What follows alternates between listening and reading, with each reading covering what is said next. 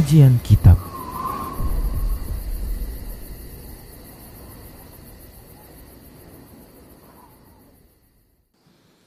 Bismillah, Assalamualaikum warahmatullahi wabarakatuh.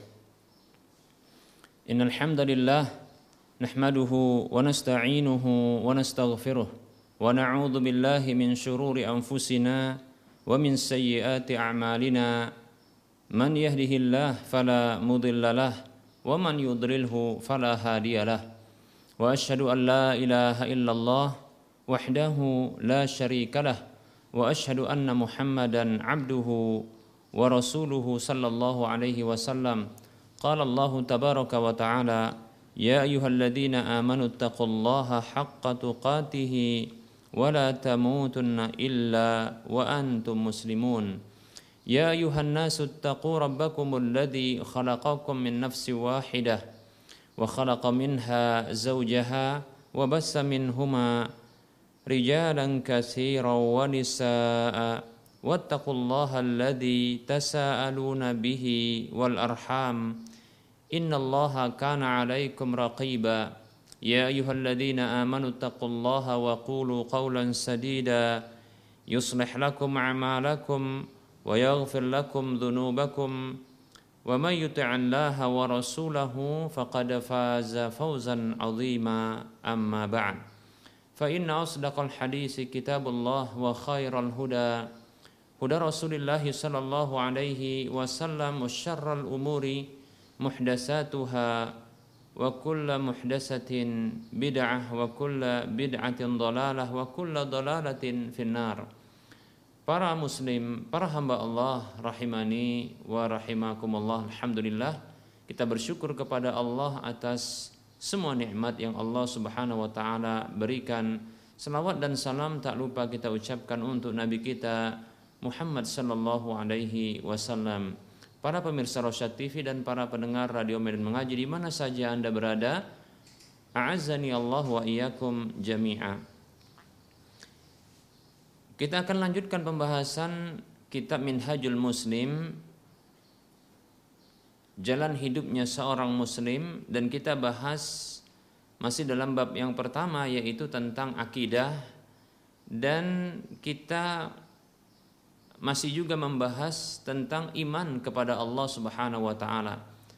Dan ada empat rukun yang telah kita bahas dari beriman kepada Allah. Yang pertama adalah beriman tentang wujud Allah Subhanahu wa taala. Kemudian yang kedua adalah beriman dengan rububiyah Allah yaitu perbuatan-perbuatan Allah di alam semesta. Kemudian yang ketiga adalah beriman dengan hak ibadah hanya kepada Allah semata. Kemudian yang keempat dan ini yang akan kita tuntaskan insya Allah taala yaitu beriman dengan nama-nama dan sifat-sifat Allah Subhanahu wa taala. Pada pertemuan yang lalu telah kita sebutkan tentang dalil-dalil yang menunjukkan dalil-dalil wahyu yang menunjukkan bahwa Allah Subhanahu wa taala memiliki nama-nama yang maha indah dan sifat-sifat yang tinggi lagi mulia. Berikut ini kita sebutkan dalil-dalil akal yang menunjukkan bahwa Allah Subhanahu wa taala memiliki nama-nama yang maha indah dan sifat-sifat yang tinggi lagi mulia. Baik, dalil yang pertama adalah kita dapatkan di alam semesta ini makhluk atau ciptaan Allah Subhanahu wa taala itu memiliki nama-nama yang indah begitu juga sifat-sifat yang yang mulia. Maka merupakan hal yang mustahil, tidak masuk akal. Zat yang menciptakan makhluk-makhluk yang memiliki nama-nama yang indah tersebut. Begitu juga sifat-sifat yang mulia sang penciptanya tidak memiliki nama-nama tersebut. Ya tidak memiliki nama-nama yang indah begitu juga tidak memiliki sifat-sifat yang mulia. Ini hal yang mustahil. Ini hal yang mustahil ketika Allah Subhanahu wa taala menciptakan zat yang bisa mendengar yang bisa melihat ya yang bisa berbicara yang hidup begitu juga memiliki kekuasaan dan kemampuan maka dan yang lainnya dari nama dan sifat Allah Subhanahu wa taala maka tidak mungkin Allah Subhanahu wa taala menciptakan makhluk-makhluk tersebut yang memiliki nama yang indah begitu juga sifat yang mulia Allah Subhanahu wa taala tidak bersifat dengan ya sifat-sifat yang mulia dan tidak memiliki nama-nama yang maha indah. Tidak mungkin kita katakan. Tentunya Allah Subhanahu wa taala adalah zat yang maha hidup, ya. Al-Hayyu. Kemudian beliau dia adalah zat yang sami, yang maha mendengar. Kemudian Al-Basir, zat yang maha melihat. Dia adalah zat yang memiliki sifat berbicara bahkan sempurna bicara Allah Subhanahu wa taala. Kemudian dia juga memiliki ya sifat-sifat mulia yang lainnya. Demikian para hamba Allah rahimani rahmakumullah. Allah ciptakan makhluk-makhluknya begitu indah, maka tidak mungkin Allah Subhanahu wa taala tidak memiliki sifat keindahan. Begitu juga ya Allah ciptakan makhluknya itu memiliki pengetahuan. Maka tidak mungkin Allah Subhanahu wa taala tidak memiliki ilmu pengetahuan. Demikian ya. Demikian seterusnya dari sifat-sifat yang Allah Subhanahu wa taala sifatkan dirinya dengannya di dalam Al-Qur'an maupun lewat lisan Rasulullah SAW begitu juga ya yang Allah SWT tetapkan bagi dirinya dari nama-nama yang maha indah tersebut. Baik para hamba Allah rahimani wa rahimakumullah. Nah, ini yang pertama. Ya. Nah, ini yang pertama para hamba Allah rahimani wa rahimakumullah. Dalil akal yang menunjukkan bahwa Allah Subhanahu wa taala memiliki nama-nama ya, begitu juga sifat-sifat. Mengapa demikian? Karena Allah Subhanahu wa taala ciptakan ya ciptakan makhluk-makhluknya itu memiliki nama-nama yang indah, begitu juga sifat memiliki sifat-sifat yang tinggi lagi mulia. Demikian. Dan yang kedua adalah tidak logis, ya. Tidak logis kita yakini Allah Subhanahu wa taala itu ada ya itu tanpa nama dan tanpa sifat. Demikian, ya. Tanpa nama dan tanpa sifat. Karena pasti sesuatu yang ada itu dia memiliki nama dan memiliki sifat, ya. Karena agar mudah untuk disebutkan, begitu juga agar mudah untuk dikenali. Maka tidak mungkin, mustahil sesuatu yang ada itu ya, itu tidak memiliki nama dan tidak memiliki sifat. Karena dengan itu dia mudah untuk disebutkan dan mudah untuk dikenali. Demikian. Nah, ada itu sendiri merupakan sifat bagi dirinya demikian, ya. Wallahu taala alam. Demikian para hamba Allah rahimani wa rahimakumullah. Kemudian para hamba Allah rahimani wa rahimakumullah. Kemahasempurnaan Allah Subhanahu wa taala ini dalil berikutnya yang menunjukkan ya secara akal bahwa Allah Subhanahu wa taala ya memiliki nama-nama yang maha indah begitu juga sifat-sifat yang tinggi lagi mulia. Baik para hamba Allah rahimani wa rahmakumullah. Ya. Tentunya ketika Allah Subhanahu wa taala menciptakan hamba-hambanya yang kita dapatkan hamba-hambanya tersebut makhluk-makhluk tersebut memiliki nama-nama yang indah, ya sifat-sifat yang tinggi lagi mulia. Maka kita dapatkan ya di kalangan hamba-hamba dan makhluk Allah Subhanahu wa taala ada yang memiliki nama-nama yang indah namun ternyata tidak bersifat ya dengan sifat keindahan dari nama yang dikandungnya ya seperti itu dan sifatnya ternyata juga memiliki sifat yang kurang demikian ya dan juga ada kita dapatkan sebagian dari makhluk-makhluk Allah Subhanahu wa taala seperti malaikat dan para nabi, mereka memiliki nama-nama yang indah. Dan ternyata mereka memiliki juga sifat-sifat yang tinggi lagi mulia. Maka kita kembali kita katakan tidak mungkin Allah Subhanahu wa taala menciptakan para makhluk-makhluk yang memiliki nama-nama yang indah tersebut. Dan konsekuensi dari keindahan tersebut adalah nama itu mengandung sifat yang sesuai dengan nama tersebut ya. Maka tentunya Allah Subhanahu wa taala itu lebih layak untuk disifati dengan ya sifat yang tinggi lagi mulia. Begitu juga diberi nama dengan nama yang maha indah. Demikian para hamba Allah rahimani rahimakumullah. Karena Allah Subhanahu wa taala adalah zat yang maha sempurna yang memiliki kesempurnaan dari berbagai sisinya, kesempurnaan pada zatnya, kesempurnaan pada perbuatan-perbuatannya, kesempurnaan pada nama-namanya, kesempurnaan pada sifat-sifatnya. Demikian para hamba Allah rahimani wa rahimakumullah. Maka kemahasempurnaan yang ada pada Allah Subhanahu wa taala ini ini menyebabkan menjadikan ya kita secara logika menetapkan bahwa Allah Subhanahu wa taala itu berhak untuk memiliki nama-nama yang maha indah begitu juga sifat-sifat yang tinggi lagi mulia. Demikian. Baik para hamba Allah rahimani wa rahimakumullah. Berikutnya ya. Kesempurnaan pada nama dan sifat-sifat Allah itu nama-nama Allah yang begitu maha indah. Sifat-sifat Allah yang begitu tinggi lagi mulia. Nah tentunya ya karena kesempurnaan kesempurnaan Allah Subhanahu wa taala ini ya ini menetapkan bagi kita mengharuskan bagi kita untuk tidak menyamakan Allah Subhanahu wa taala dengan makhluknya karena makhluknya adalah makhluk yang kurang.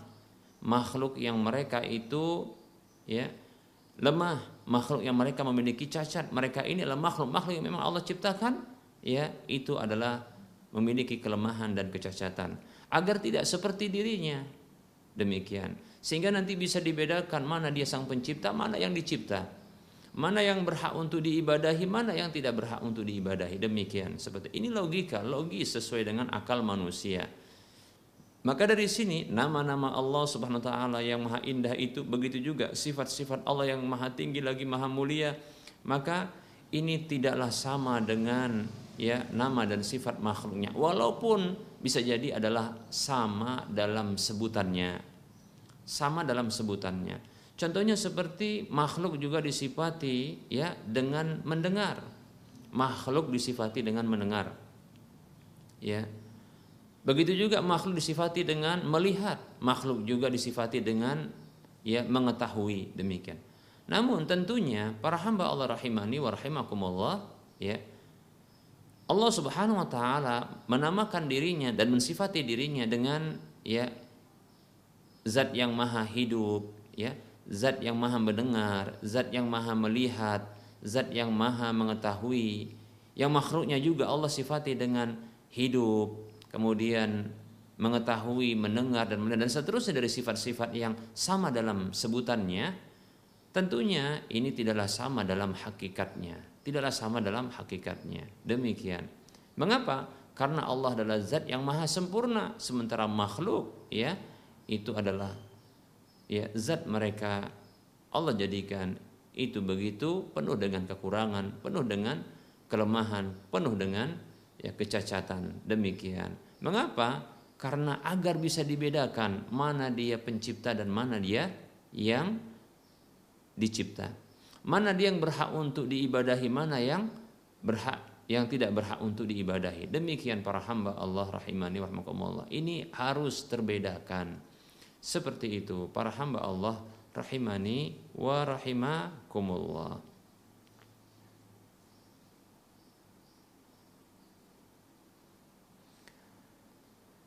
Dan tentunya kesamaan di dalam penyebutan tidaklah mengharuskan kesamaan di dalam hakikatnya, ya.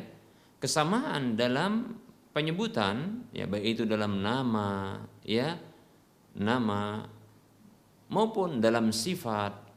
Namun hanya dalam sama dalam sebutan, maka tidaklah mengharuskan itu sama dalam hakikatnya. Demikian para hamba Allah rahimani wa rahimakumullah. Mengapa demikian?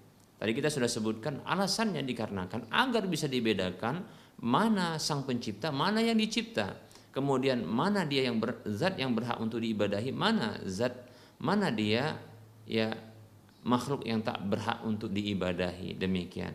Seperti itu. Demikian pula kita dapatkan secara nyata dalam kehidupan kita bahwa ada antara makhluk saja yang memiliki kesamaan dalam sebutan namun kita katakan berbeda dari sisi hakikat. Seperti itu ya. Demikian. Seperti contohnya ya. Kita katakan kita memiliki pendengaran ya. Begitu juga kita dapatkan ada makhluk manusia apa namanya hewan yang dia memiliki juga pendengaran. Tapi ternyata pendengaran kita ini itu begitu terbatas ya. Namun pendengaran hewan tersebut ternyata lebih sensitif terhadap hal-hal yang lebih lebih e, rendah suaranya. Begitu juga ternyata dalam penglihatan kita disifati manusia yang bisa melihat ya. Ternyata ada makhluk ya yang juga disifati dengan melihat namun ternyata dia bisa melihat kita namun kita tak bisa melihat dia. Demikian. Contohnya jin, ya. Jin itu bisa melihat kita, ya. Sementara kita tak bisa melihat dia. Demikian seperti itu. Para hamba Allah rahimahnya Ini antar makhluk, ya. Demikian. Ya. Ini antar makhluk. Disifati dengan sifat yang sama namun ternyata memiliki perbedaan, ya memiliki perbedaan. Tidak sama dalam hakikatnya, tidak sama dalam hakikatnya. Demikian. Begitu juga kita ketika kita disifati dengan sifat zat, contohnya kita memiliki wajah. Ya. Ternyata ayam juga memiliki wajah. Apakah wajah kita dengan wajah ayam itu sama? Maka jawabannya berbeda, ya. Nah, begitulah kita katakan sama-sama memiliki ya uh, sifat tersebut dalam sebutannya seperti wajah begitu, namun berbeda dalam hakikatnya. Demikian para hamba Allah rahimani wa rahimakumullah. Ya. Dikatakan manusia itu berbicara sesama manusia yang lain saja, kemampuan berbicara mereka itu berbeda-beda. Ada yang terbata-bata, ada yang begitu cepat, ya kan? Nah, ini kita menunjukkan bahwasanya ini secara nyata disifati dengan sifat berbicara tapi hakikatnya ternyata berbeda. Seperti itu para hamba Allah rahimani wa rahimakumullah. Dan hewan-hewan juga antar sesama mereka itu berbicara, ya. Seperti itu, ya. Nah, oleh karenanya ya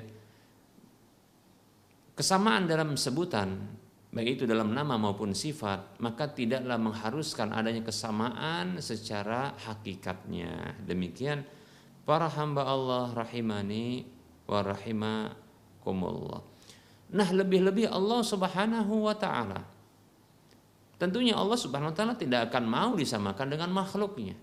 Allah Subhanahu wa taala tak akan mau disamakan dengan makhluknya.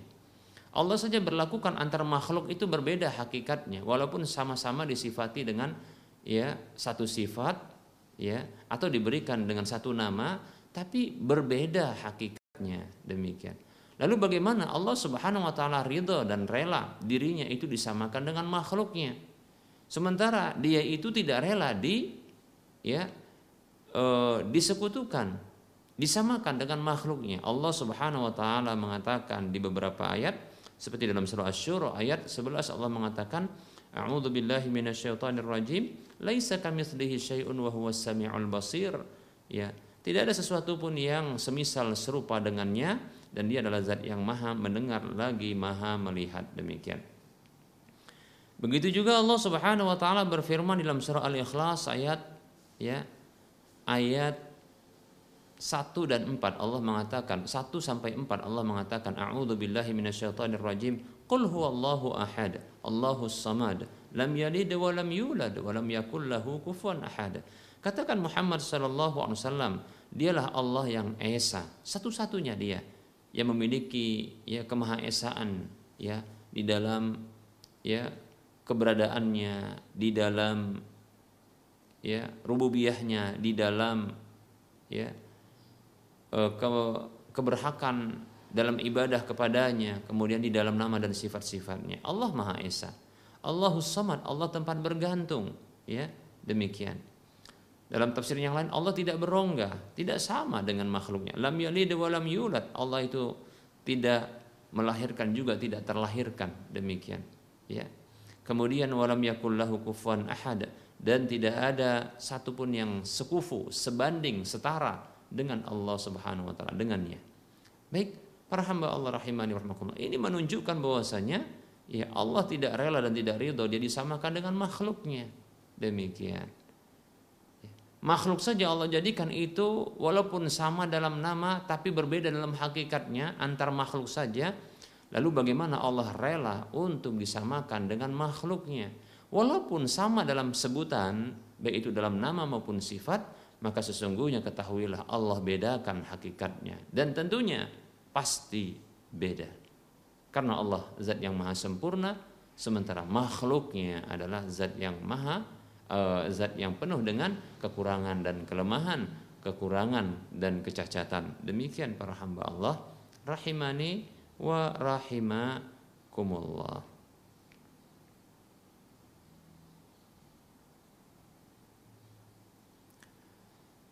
Baik para hamba Allah rahimani wa rahimakumullah. Perlu kita ketahui orang-orang yang mereka meniadakan salah satu dari nama ataupun sifat Allah Subhanahu wa taala ya karena takut untuk menyamakan Allah Subhanahu wa taala dengan salah satu dari makhluknya ketahuilah orang seperti ini telah jatuh kepada ya satu bentuk penyimpangan yaitu menyerupakan terlebih dahulu. Kita ulangi ya. Orang yang mereka meniadakan, menolak, mengingkari salah satu dari nama ataupun sifat Allah Subhanahu wa taala. Alasannya karena khawatir ya menyamakan Allah Subhanahu wa taala ya dengan makhluknya atau selainnya maka ketahuilah sesungguhnya orang tersebut telah jatuh kepada penyimpangan ya penyerupaan Allah dengan makhluknya terlebih dahulu. Ini yang pertama ya. Ini perlu kita ketahui. Orang yang mereka meniadakan nama dan sifat Allah SWT tidak memiliki nama dan tidak memiliki sifat seperti ini begitu katanya Ya. Ketahuilah sesungguhnya itu pertama sekali yang dilakukannya adalah muncul dalam benaknya dia telah melakukan penyerupaan dan penyamaan Allah dengan makhluknya atau dengan selainnya. Karena tidak mungkin ya dia meniadakan dan mengingkari salah satu dari nama ataupun sifat Allah Subhanahu wa taala ya jatuh kepada perkara ini melainkan karena ini sebabnya. Karena muncul dalam benaknya ada kesamaan ada keserupaan dengan selain Allah Subhanahu wa taala. Allah itu ada keserupaan dengan makhluknya atau selainnya seperti itu. Makanya tindakan berikutnya adalah melakukan ya penafian atau pengingkaran atau penolakan terhadap nama maupun sifat Allah Subhanahu wa taala demikian para hamba Allah rahimahni wa rahmakumullah.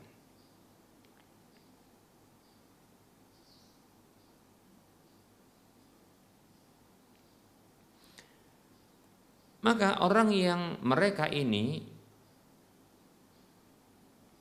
melakukan pengingkaran yang disebut dengan ta'til oleh para ulama ya ini sesungguhnya mereka jatuh kepada dua pelanggaran sekaligus. Pertama adalah sebelum ya mengingkari mereka melakukan penyamaan. Nah, seperti itu. Penyamaan Allah terhadap selainnya. Nah, barulah setelah itu dia beralih kepada ya beralih kepada pengingkaran, diingkari. Demikian.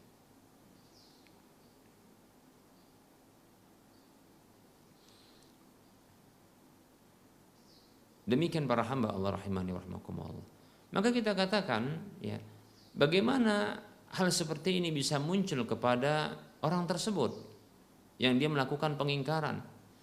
Sementara nama-nama maupun sifat-sifat Allah Subhanahu wa taala itu telah Allah kabarkan kepada generasi pertama dari umat ini yaitu pertama sekali Nabi kita Muhammad wasallam sebagai teladan kita.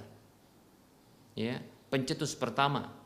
Sebenarnya bukan pencetus kita katakan sebagai pemberlaku pertama syariat Allah, ajaran Allah ini, ya. Seperti itu. Beliaulah yang pertama sekali mendengarnya dari Allah Subhanahu wa taala Kemudian beliau juga menyampaikan yang pertama sekali kepada para ya hamba-hamba Allah Subhanahu wa taala yang menjadi murid Rasulullah SAW yaitu para sahabat. Begitu juga para sahabat menyampaikan itu kepada ya para tabi'in orang-orang yang hidup di generasi mereka. Dan seterusnya.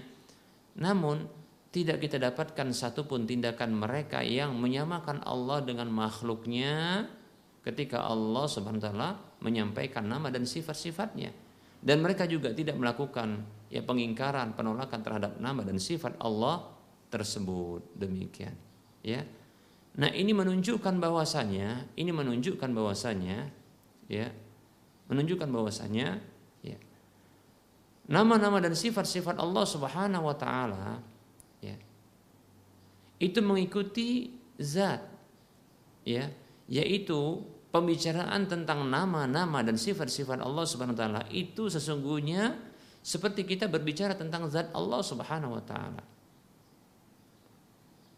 Kita ketika Allah Subhanahu wa taala mengkabarkan tentang dirinya, disebutkan Allah, dialah Allah, dialah Allah. Yang kita yakini pasti Allah tersebut punya zat. Namun hati kita, akal kita tidak begitu pusing untuk memikirkan zat tersebut karena dia adalah zat yang maha gaib karena zat Allah adalah zat yang maha gaib. Ya, kita tidak ya tidak akan mampu ya dan secara naluri kita akan menonaktifkan akal kita untuk bisa memahami zat Allah Subhanahu wa taala karena itu mustahil. Maka demikian pula ya semestinya yang diberlakukan ketika berbicara membahas soal nama dan sifat-sifat Allah Subhanahu wa taala. Yang hakikatnya itu adalah gaib. Yang hakikatnya itu adalah tidak diketahui maka cukup diimani. Seperti itu. Ya.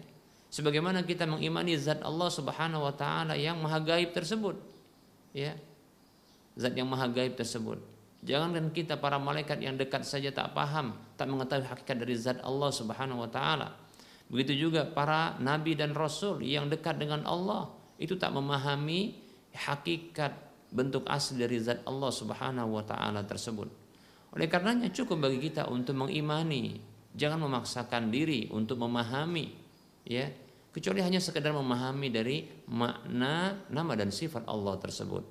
Adapun mencoba untuk memahami hakikat bentuk asli, ya, dari nama dan sifat Allah Subhanahu wa taala tersebut, maka ketahuilah, ya, ini tidak akan mampu bagi akal kita untuk bisa mencernai dan memahaminya. Demikian para hamba Allah rahimani wa rahimakumullah. Oleh karenanya ya sudah cukup kita imani saja. Ya. Gunakan akal itu sesuai dengan porsinya. Ya.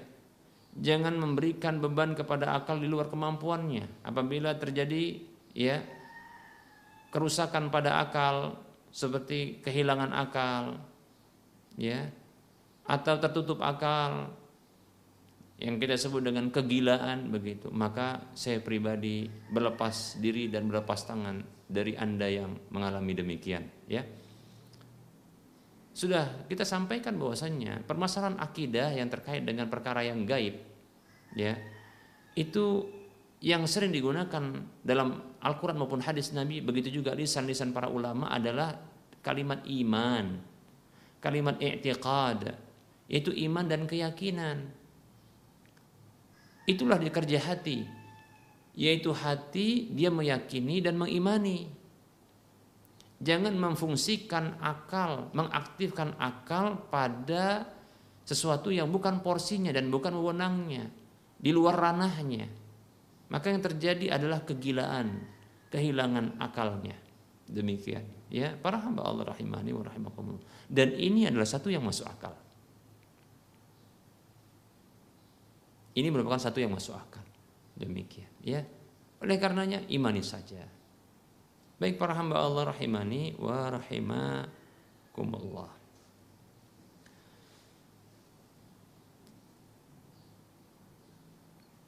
Nah, ini penjelasan secara akal di mana Allah Subhanahu wa taala itu layak secara akal untuk memiliki nama-nama yang maha indah dan memiliki sifat-sifat yang maha tinggi lagi maha mulia. Kemudian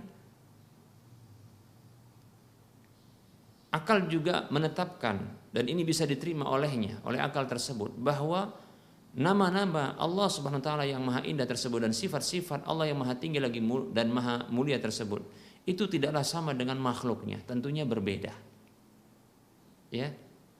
Dan kalau telah tidak sama tentunya bagaimana bisa untuk dibayangkan? Maka ini tentunya di luar kemampuan seperti itu. Dan tidak mungkin untuk ditolak.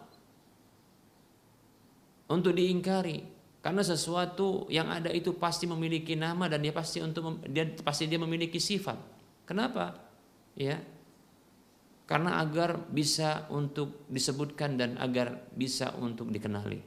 Ya. Seperti itu. Ya. Dan demikian pula maka tidak layak secara akal pula untuk ya dilakukan takwil dipalingkan kepada makna yang lain dari nama maupun sifat Allah Subhanahu wa taala. Maka ini tidak sesuai dengan akal pula. Mengapa?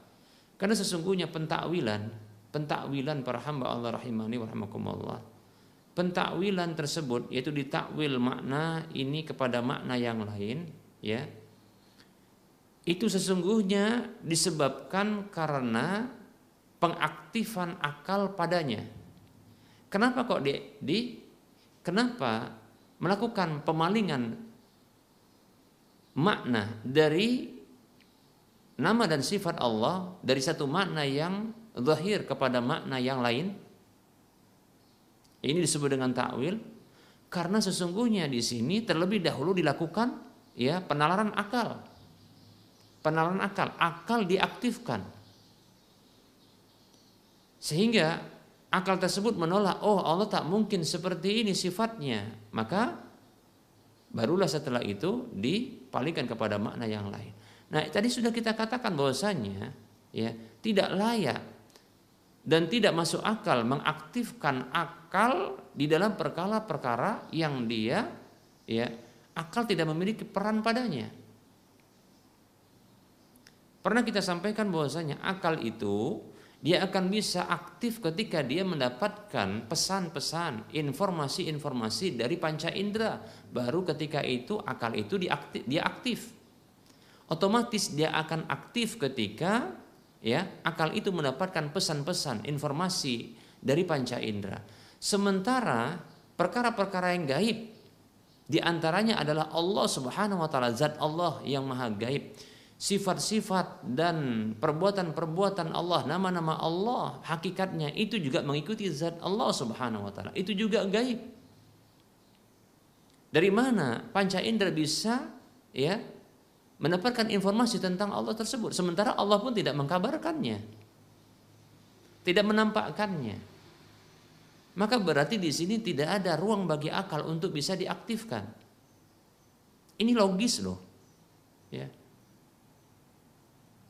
maka saya katakan orang yang jatuh kepada tasbih, tamsil menyerupakan Allah.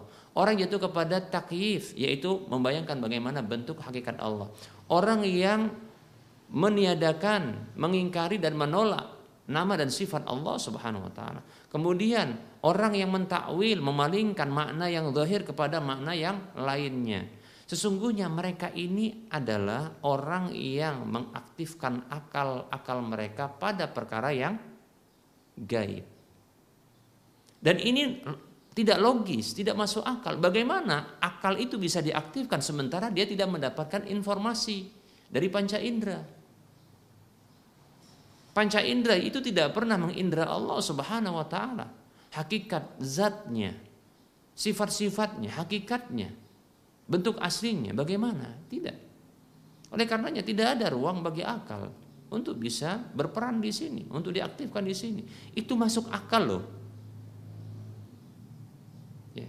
Maka orang yang berbicara, orang yang mentakwil, orang yang mentakif, orang yang mentamsil, orang yang mentaktil. Empat pelanggaran yang sudah kita sebutkan. Kita ulangi, orang yang mereka melakukan ya penyamaan Allah dengan makhluknya. Orang yang melakukan ya pembayangan Allah itu membayangkan Allah ya bagaimana bentuk hakikat Allah dan sifat-sifatnya dan perbuatan-perbuatan Allah. Kemudian ya orang yang menolak dan mengingkari salah satu dari nama ataupun sifat-sifat Allah taala atau orang yang memalingkan makna dari makna yang zahir kepada makna yang yang lain dari nama dan sifat Allah Subhanahu wa taala tersebut. Sesungguhnya mereka ini melakukan tindakan yang tidak didukung oleh akal. Ini merupakan bentuk penyalahgunaan akal. Dan ini bisa dikatakan tindakan mereka tindakan yang di luar nalar. Bisa juga kita katakan ini bentuk kekurangan ajaran. Ini merupakan bentuk tindakan ketidakwarasan. Ah, begitu lebih tepat. Ya, itu lebih tepat. Ini tindakan ketidakwarasan. Tidak waras yang seperti itu. Ya. Tidak sehat bagi akal memaksakan ya akal untuk aktif pada perkara-perkara yang gaib ini. Demikian para hamba Allah rahimani wa Allah. Ya. Bila Anda inginkan kegilaan, ya, maka silakan aktifkan akal Anda pada perkara-perkara yang gaib.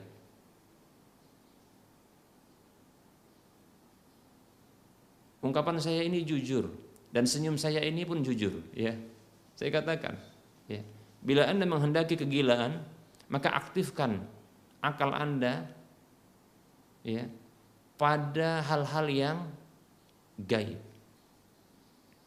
Maka Anda akan cepat dapatkan ketidakwarasan dan kehilangan akal. Seperti itu. Tapi jangan coba-coba.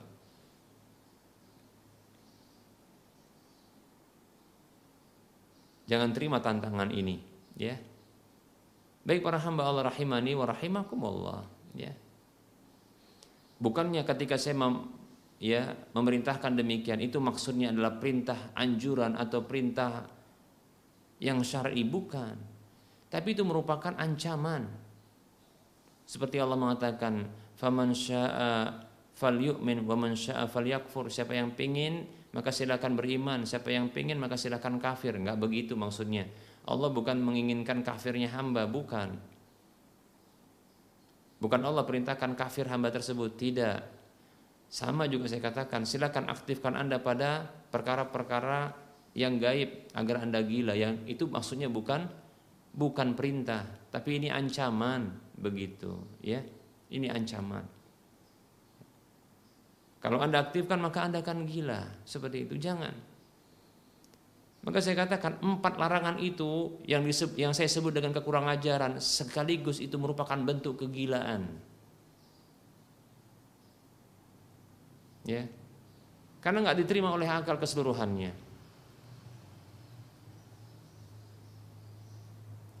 Tidak percaya secara akal. Baik, kita katakan, saya ulangi kembali. Ya. Saya ulangi kembali supaya bisa memahami secara akal pula. Perhatikan, Allah memiliki makhluk-makhluk ciptaan-ciptaan yang memiliki nama-nama yang indah, begitu juga sifat-sifat yang tinggi dan mulia. Maka nggak logis, tidak logis, ya, tidak masuk akal. Allah yang menciptakan itu tidak memiliki nama-nama yang maha indah dan tidak memiliki sifat-sifat yang maha tinggi, lagi sifat-sifat yang maha mulia. Tidak mungkin. Satu. Yang kedua, yang kedua, tidak logis ya dan tidak sesuai dengan akal manusia. Allah memiliki nama-nama yang maha indah dan sifat-sifat yang tinggi. Sifat-sifat yang maha tinggi lagi maha mulia. Ini sama dengan makhluknya, tidak mungkin. Kenapa? Karena kalau sama ini akan mengakibatkan tidak bisa dibedakan mana sang pencipta dan mana yang dicipta. Mana zat yang berhak untuk diibadahi, mana zat yang dia tidak berhak untuk diibadahi dari makhluk-makhluknya tentunya. Kan begitu. Logis. Kalau sama ternyata. Begitu juga tak bisa dibayangkan. Kenapa tidak bisa dibayangkan? Karena Allah adalah zat yang maha sempurna. Tentunya sifat-sifatnya juga sempurna. Zatnya maha sempurna, sifat-sifatnya maha sempurna. Perbuatan-perbuatannya maha sempurna, nama-namanya tentu maha sempurna. Berbeda dengan makhluk. Tidak sempurna, maka terjadi kekurangan. Oleh karenanya bagaimana bisa dibayangkan?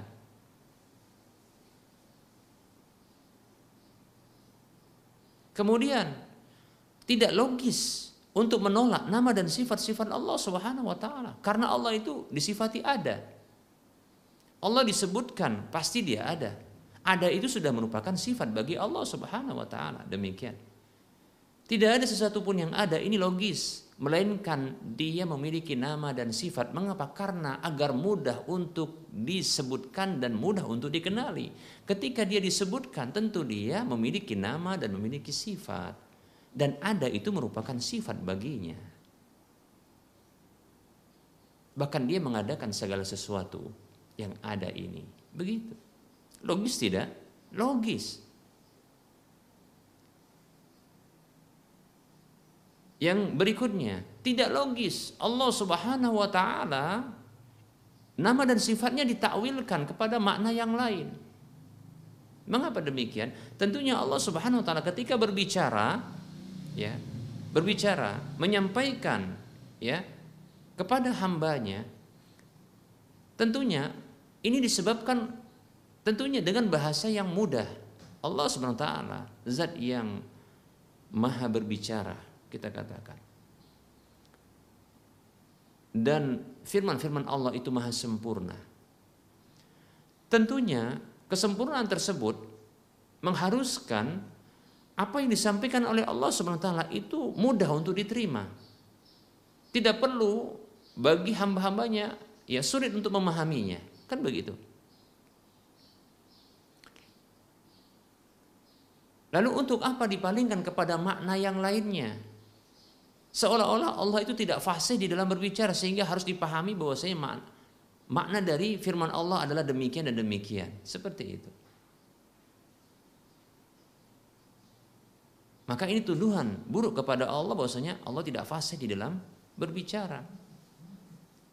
Seperti itu para hamba Allah rahimani warahmatullah. Ini logis kita katakan. Oleh karenanya tidak perlu pentakwilan dan pentakwilan itu atas dasar sesungguhnya tadi pencernaan akal sehingga dia harus mentakwil.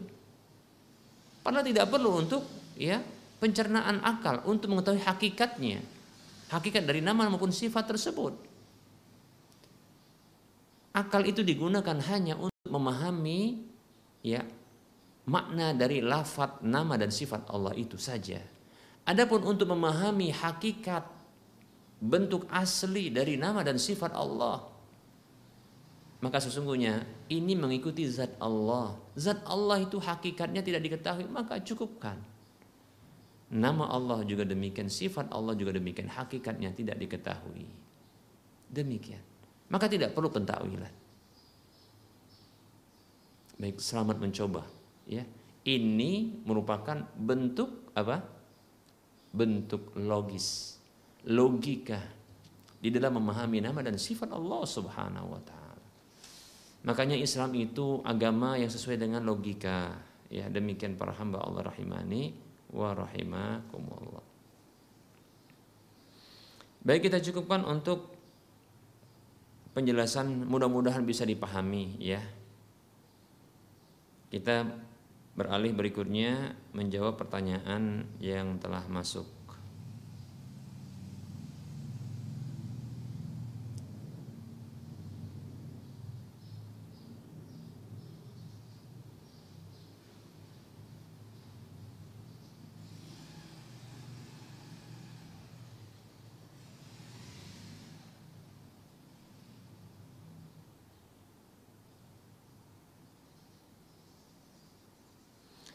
Ada pertanyaan, Ustadz mau tanya gimana kalau di belakang cup cup sebuah kopi uh, kopi kopi ya cup cup kopi itu dikasih tulisan seperti ini hilanglah dahaga basahlah kerongkongan dan pahala yang ditetapkan.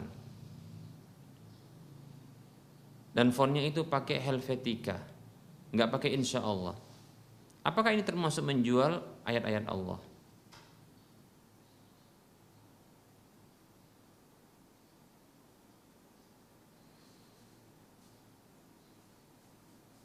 Baik bismillah. Saya kira yang seperti ini keliru. Mengapa demikian? Karena pertama, ungkapan ini adalah ungkapan doa ketika berbuka. Dhahaba dhama'u wa batalatil uruq wa thabatal ajru insyaallah. Ya.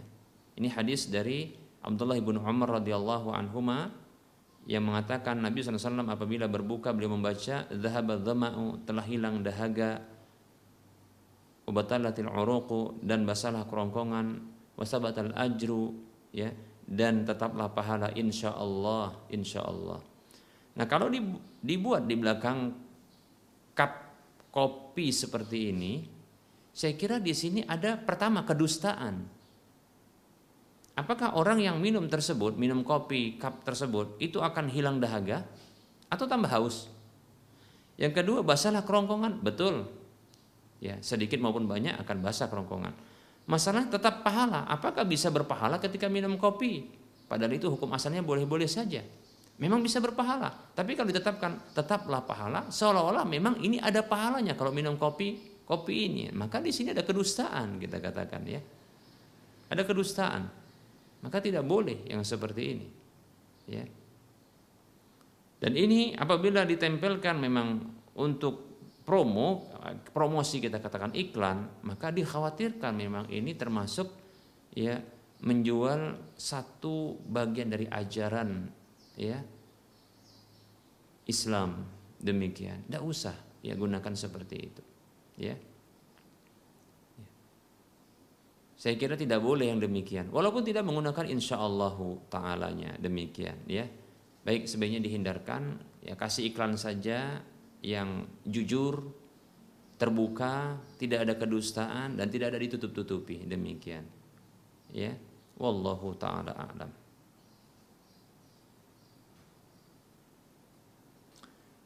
Ada pertanyaan ini.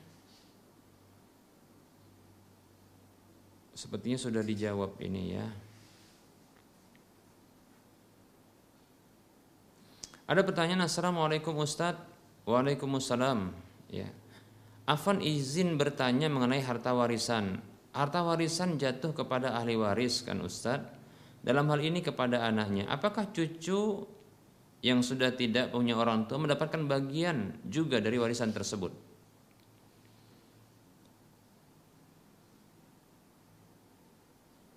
Waalaikumsalam warahmatullahi wabarakatuh. Seseorang yang meninggal dunia yang dia meninggalkan harta demikian pula ahli warisnya maka hartanya tersebut itu akan menjadi ya hak milik dari ahli warisnya jika telah dibayarkan hutang demikian pula wasiat berupa harta di antara ahli waris tersebut tersebut adalah cucu tapi ingat ini adalah cucu yang mendapatkan warisan adalah cucu dari anak laki-laki. Ya. Cucu dari anak laki-laki dari yang meninggal dunia tersebut. Adapun cucu dari anak perempuan, maka dia akan mendapatkan warisan dari ya kakek dari jalur bapaknya. Seperti itu. Ya. Demikian. Jadi cucu yang mendapatkan warisan adalah pertama ya, cucu yang berasal dari anak laki-laki. Cucu yang berasal dari anak laki-laki. Kita contohkan telah wafat seorang laki-laki atau seorang perempuan. Ya, yang wafat ini si mayit ini punya anak laki-laki dan memiliki anak laki-laki memiliki anak-anak. maka anak-anak mereka ini yang menjadi ahli waris. Adapun ya apabila si mayit ini memiliki anak perempuan dan anak perempuan ini memiliki anak-anak pula ya yang anak perempuan dari si mayit ini menikah dengan laki-laki ya seorang laki-laki maka sesungguhnya anak-anak dari si anak perempuan ini ini tidak mendapatkan ya warisan dari jalur ya uh, ayah si mayat ya anak perempuan ini. Demikian ya seperti itu. Tapi mendapatkan warisan dari jalur ayahnya. Cucu ini mendapatkan ya warisan dari kakek jalur ayahnya seperti itu. Demikian. Kemudian cucu yang menjadi ahli waris tersebut yaitu cucu dari anak laki-laki itu bisa terhalang ketika ada anak-anak laki-laki dari si mayit ya bila si mayit meninggal dunia dan meninggalkan dan memiliki anak laki-laki yang masih hidup maka semua cucu ketika itu itu terhalang untuk mendapatkan ya cucu mendapatkan terhalang untuk mendapatkan e, warisan demikian ya. Seperti itu. Namun apabila kondisinya seperti ini ketika si mayat meninggal dunia maka terdapat anak laki-laki dan anak perempuan dan ternyata harta warisan belum dibagi Bersamaan dengan itu, ya belum dibaginya harta warisan, ada anak laki-laki yang meninggal dunia dari si mayat tersebut, ya. Meninggal dunia dan dia memiliki anak-anak pula. Maka cucu-cucu ini mendapatkan warisan ya dari ayahnya, ya, dari harta yang ditinggalkan oleh ayahnya. Dan itu berasal juga dari ya orang tuanya yang menjadi ya eh, kakek atau nenek dari si si cucu tersebut. Demikian. Wallahu taala a'lam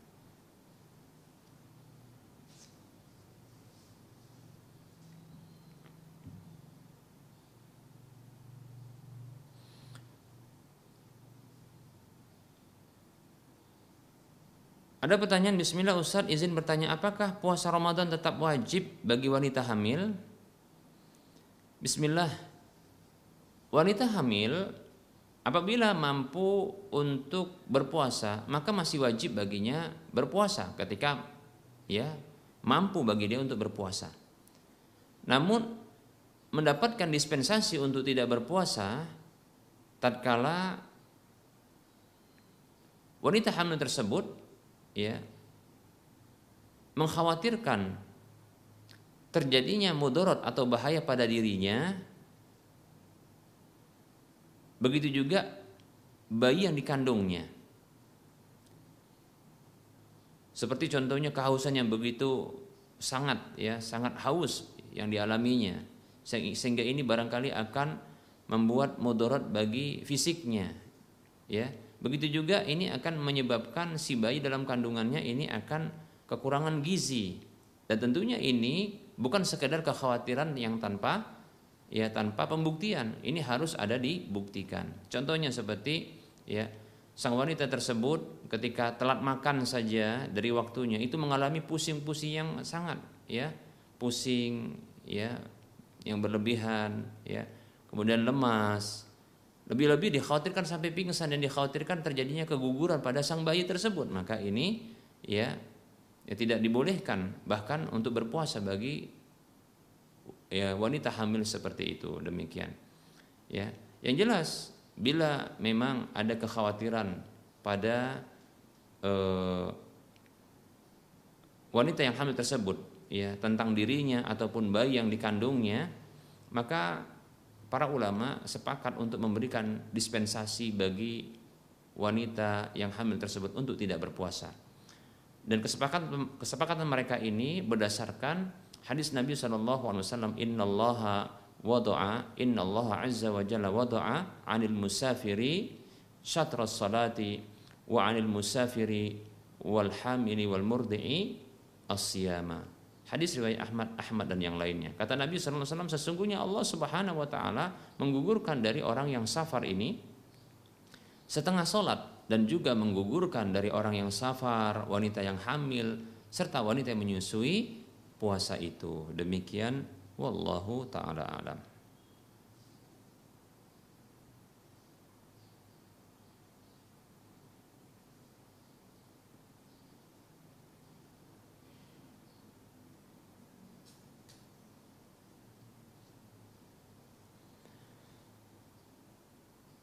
Ada pertanyaan, Assalamualaikum, Ustadz apa hukumnya berjualan di saat belum berbuka?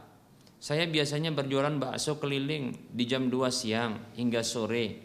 Apa hukumnya Ustadz jika di bulan puasa ini saya berjualan keliling seperti biasa? Waalaikumsalam warahmatullahi wabarakatuh. Jika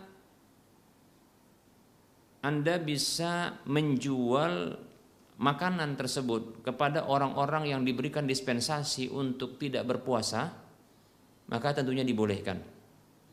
Contohnya seperti Anda menjual bakso tersebut kepada anak-anak saja dan mereka yang makan ketika itu.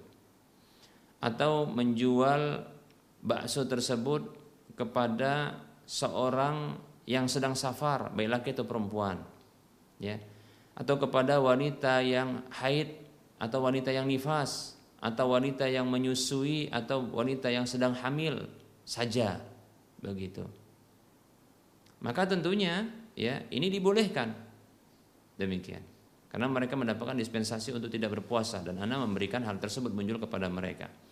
Tapi kalau Anda mengetahui bahwasanya bakso ini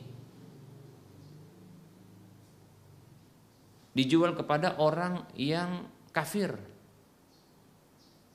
atau kepada orang yang laki-laki atau wanita yang mereka masih wajib berpuasa maka dipastikan Anda berdosa karena Anda mendukung mereka untuk melanggar hukum Allah Subhanahu wa taala. Orang kafir itu masih diberikan kewajiban ya. Bila Anda menjual kepada mereka itu sama juga ya membantu mereka untuk ya melanggar hukum Allah taala. Karena mereka adalah orang-orang yang diberi diberi beban syariat juga di antaranya berpuasa. Wallahu taala alam. Ini menurut pendapat yang kuat. Kemudian kepada orang muslim yang sudah dewasa laki atau perempuan yang mereka wajib juga berpuasa. Anda tahu itu ya tapi dia tak berpuasa Anda berikan. Anda tahu mereka sebenarnya wajib berpuasa tapi mereka tak berpuasa Anda jual kepada mereka maka Anda bantu mereka untuk melakukan ya pelanggaran hukum Allah, maka bisa jadi Anda berdosa. Demikian.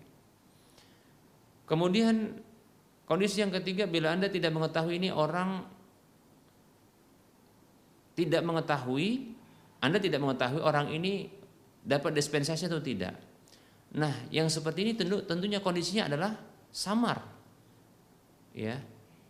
Ini perkara yang samar-samar. Maka kata Rasulullah SAW innal halala bayyinun wa innal harama bayyinun wa bainahuma wa bainahuma umurun mustabihat.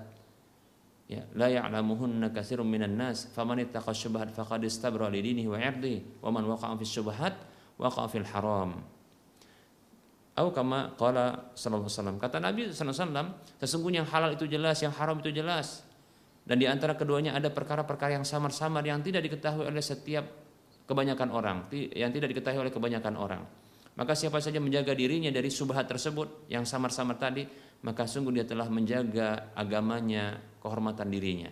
Dan siapa saja yang menjerumuskan diri ke dalam perkara yang sama-sama tersebut, maka sesungguhnya dia terjatuh ke dalam perkara yang haram. Lihat, kalau begitu tinggalkan. Lalu bagaimana? Nah, berjualan ketika ya di waktu berbuka atau menjelang berbuka. Nah, seperti itu. Atau berjual di malam hari. Saya kira kalau berjualan mungkin di samping pagar masjid ketika orang ya sholat tarawih, nah setelah itu kemudian buka dagangan, saya kira ramai juga demikian. Coba saja ya, demikian. Jangan cari yang samar-samar, wallahu taala a'lam Baik berikutnya ada pertanyaan Assalamualaikum Semoga Allah memberkahi Ustadz dan keluarga. Amin. Saya mau bertanya Ustadz bolehkah mengunjungi keluarga yang masih Kristen Dan mereka masih memelihara anjing dalam rumah? Yang tentunya saya tidak tahu mana tempat di rumahnya yang terkena liur anjing atau tidak. Mohon pencerahannya Ustadz Barakallahu fikum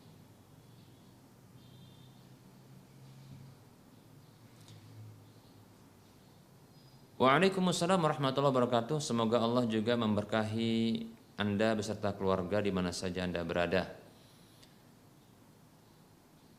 Termasuk yang disyariatkan adalah bersilaturahim kepada keluarga. Orang-orang memiliki hubungan kekerabatan dengan kita walaupun dia dalam kondisi masih kafir. Demikian, ya. Karena sesungguhnya syariat silaturahim itu berlaku secara mutlak. Ya. Tidak dikaitkan hanya kepada orang muslim saja, kepada muslim yang lainnya, tapi juga berlaku untuk orang kafir juga demikian. Lebih-lebih apabila ditujukan di sana untuk berdakwah dan mengenalkan kebaikan Islam seperti itu. Ya.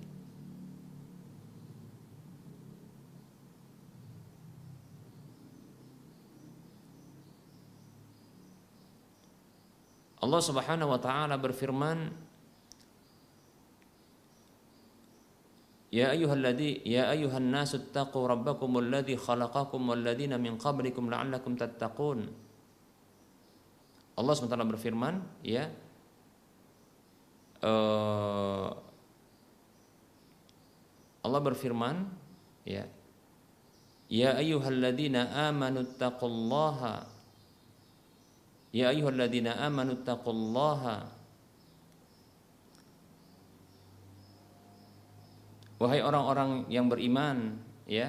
Ini uh, ada disebutkan dalam surah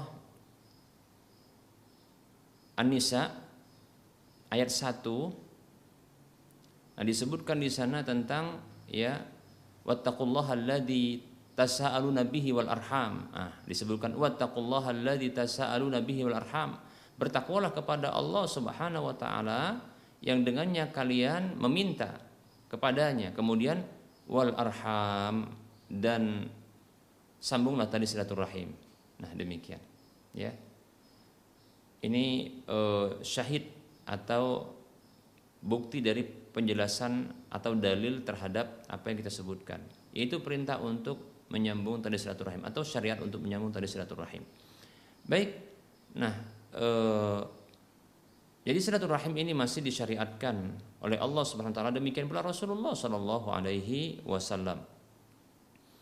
Kemudian ya eh, adapun ketika kita dapatkan di rumah saudara kita yang non muslim tersebut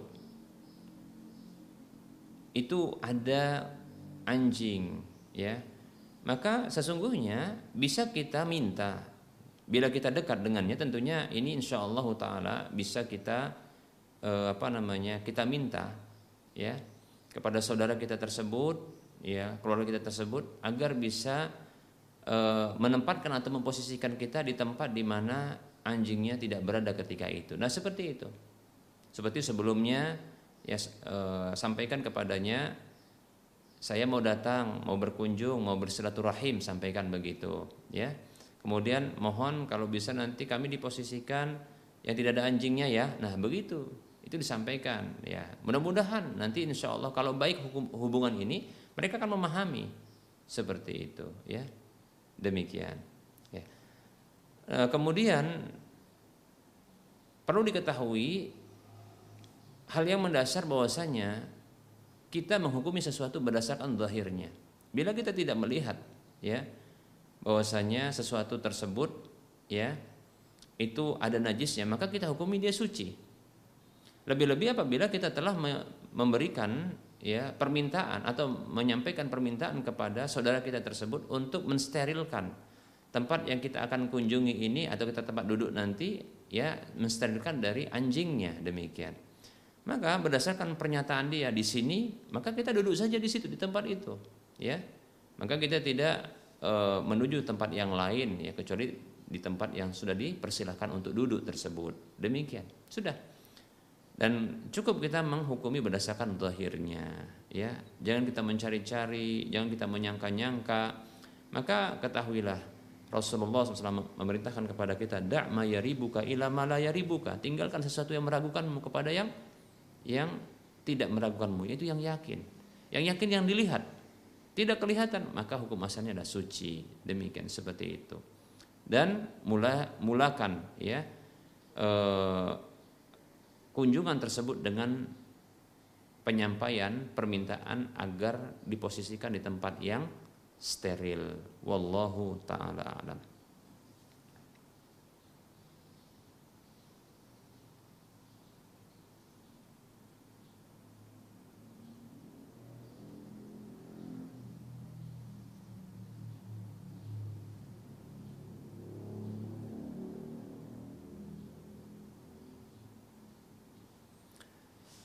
Ada pertanyaan, Assalamualaikum warahmatullahi wabarakatuh. Ustaz, semoga Allah Subhanahu wa taala menjaga Ustaz dan keluarga.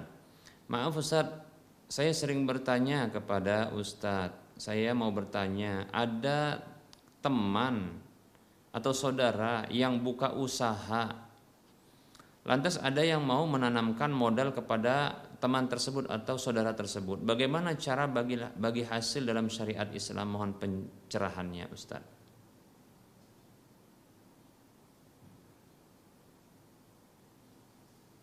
Waalaikumsalam warahmatullahi wabarakatuh. Semoga Allah Subhanahu wa taala juga menjaga Anda beserta keluarga di mana saja Anda berada senantiasa dalam kebaikan dan keberkahan.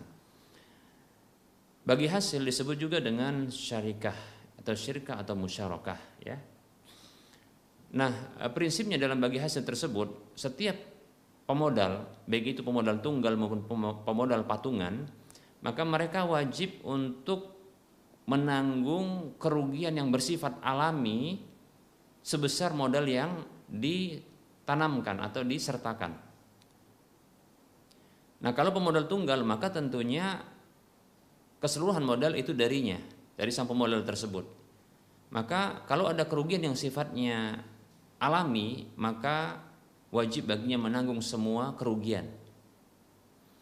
Namun apabila pemodal patungan di mana ada beberapa yang menjadi investor atau para pemodalnya, maka mereka menanggung kerugian yang bersifat alami yang disebut juga dengan force major itu itu sebesar modal yang ditanamkan atau disertakan. Bila 30% maka menanggung 30% kerugian, bila 50% maka menanggung 50% kerugian, seperti itu. Ya. Seperti itu. Adapun pengelola bila dia tidak memiliki tidak menyertakan modal berupa uang, ya, modalnya, maka dia tidak menanggung kerugian sedikit pun berupa uang kalau kerugian tersebut bersifat alami atau force major, kecuali dia hanya menanggung kerugian berupa kelelahan, kecapean, ya, tenaga yang sudah terkuras, pikiran yang sudah ya waktu dan pikiran yang telah terluangkan. Nah, itu kerugian yang di yang dialaminya sementara dia tidak mendapatkan kompensasi atas tenaga, waktu, pikiran yang telah diluangkan tersebut. Demikian, ya. Ini yang pertama.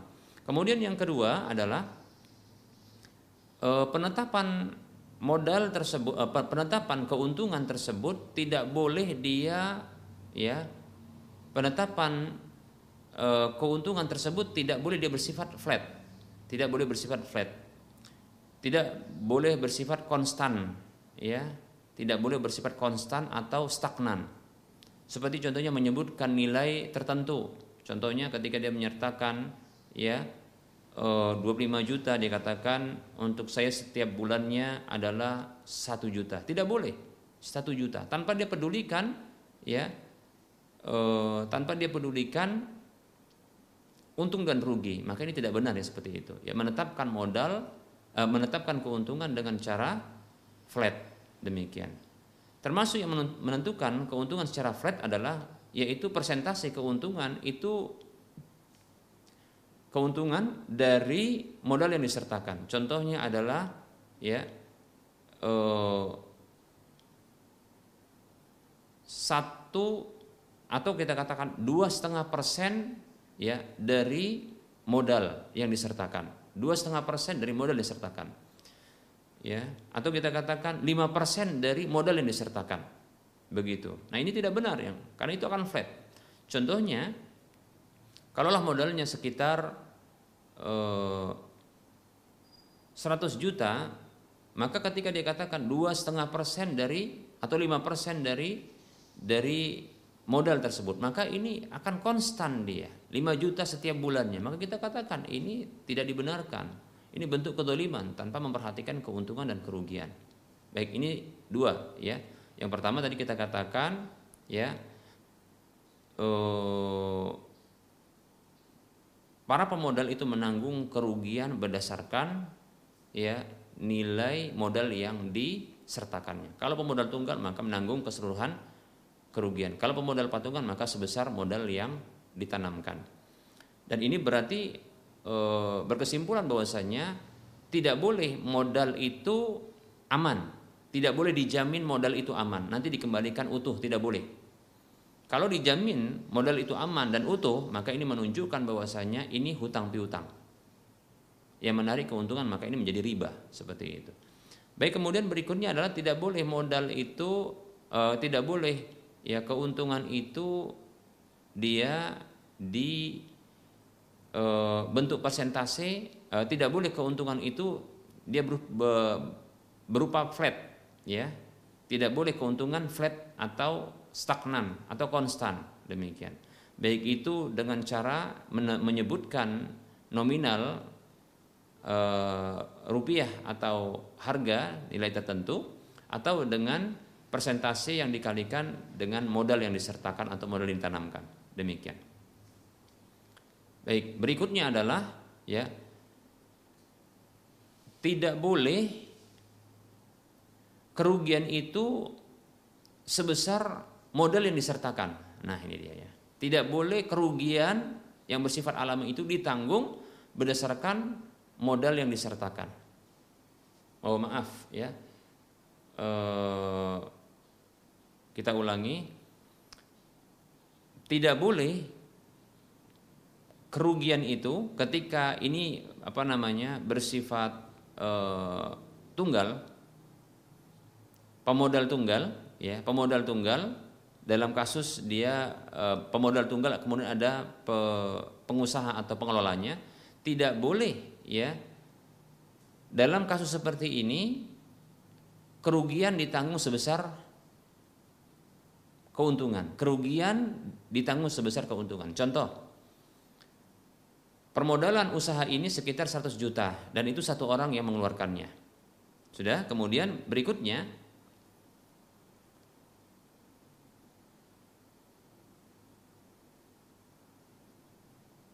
Para eh, kemudian di sini ditetapkan keuntungan adalah 40 persen 60 persen. 60 persen untuk pemodal kemudian 40 persen untuk pengelola Nah, apabila kerugian tersebut yang ditanggung oleh sang pemodal yang pemodal tunggal ini 100% dia modal darinya itu sebesar 60% maka ini tidak benar. Nah, seperti itu. Begitu juga dalam permodalan yang sifatnya patungan. Ya. Jadi tidak dibolehkan ya menanggung kerugian sebesar keuntungan Nah, di sini berarti nanti akhirnya ada pengelola yang dia menanggung kerugian juga sebesar keuntungannya. Sementara dia tidak boleh dibebankan ya kerugian berupa uang. Dia hanya mengalami kerugian berupa tenaga, waktu dan pikiran yang telah diluangkan seperti itu. Baik, ya. Demikian. Kemudian berikutnya yang tidak dibolehkan adalah ya pengelola pengelola yang dia mendapatkan bagi hasil yang dia mendapatkan bagi hasil ya presentasi dari bagi hasil namun dia juga mendapatkan ya e, gaji setiap bulannya. Maka ini tidak dibenarkan. Sepakat para ulama yang seperti ini batal akad kerjasamanya demikian. Maka harus memilih salah satu ya pemodal maaf pengelola itu harus dia memilih apakah dia digaji sehingga dia mendapatkan bulanan secara konstan namun dia tidak berhak terhadap e, bagi hasil atau dia hanya menerima bagi hasil saja. Nah seperti itu. Wallahu taala a'lam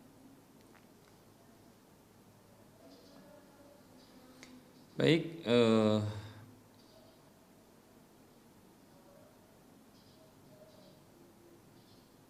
Kita tutup dengan satu pertanyaan terakhir ini.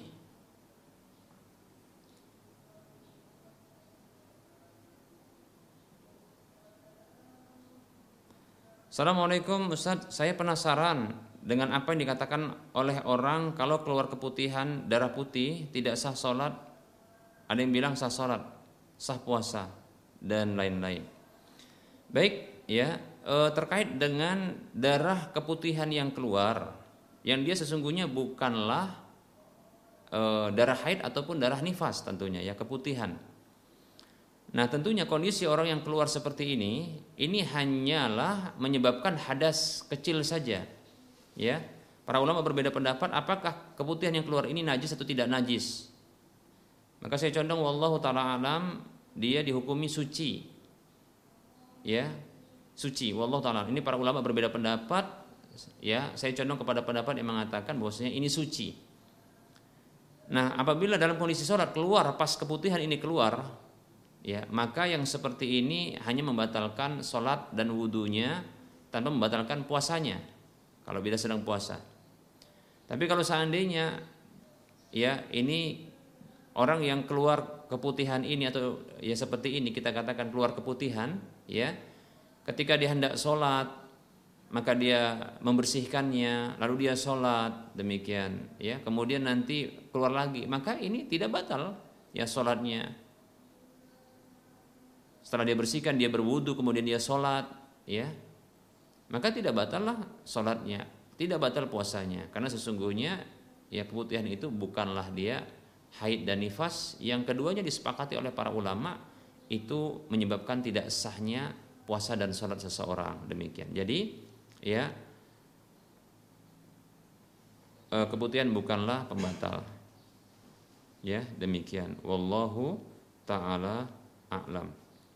Kemudian ada pertanyaan berikutnya Assalamualaikum warahmatullahi wabarakatuh Saya mau tanya Ustaz Apa hukum mencukur bulu kemaluan Baik laki-laki atau perempuan Berdosa atau tidak. Bahkan sunnah Nabi SAW Kita jawab Waalaikumsalam warahmatullahi wabarakatuh. Bahkan sunnah Nabi SAW Ini termasuk sunnahul fitrah. Disebut dengan ya halqul anad yaitu mencukur bulu kemaluan. Kata Nabi SAW, ya asrun minal fitrati. Ada sepuluh termasuk fitrah Nabi SAW, ya fitrah manusia. Maka disebutkan di antaranya halqul anad yaitu mencukur bulu kemaluan. Ini termasuk sunnah Nabi SAW. Maka silakan lakukan, dapat pahala insya Allah taala. Jangan dibiarkan gondrong. Ya, itu jelek.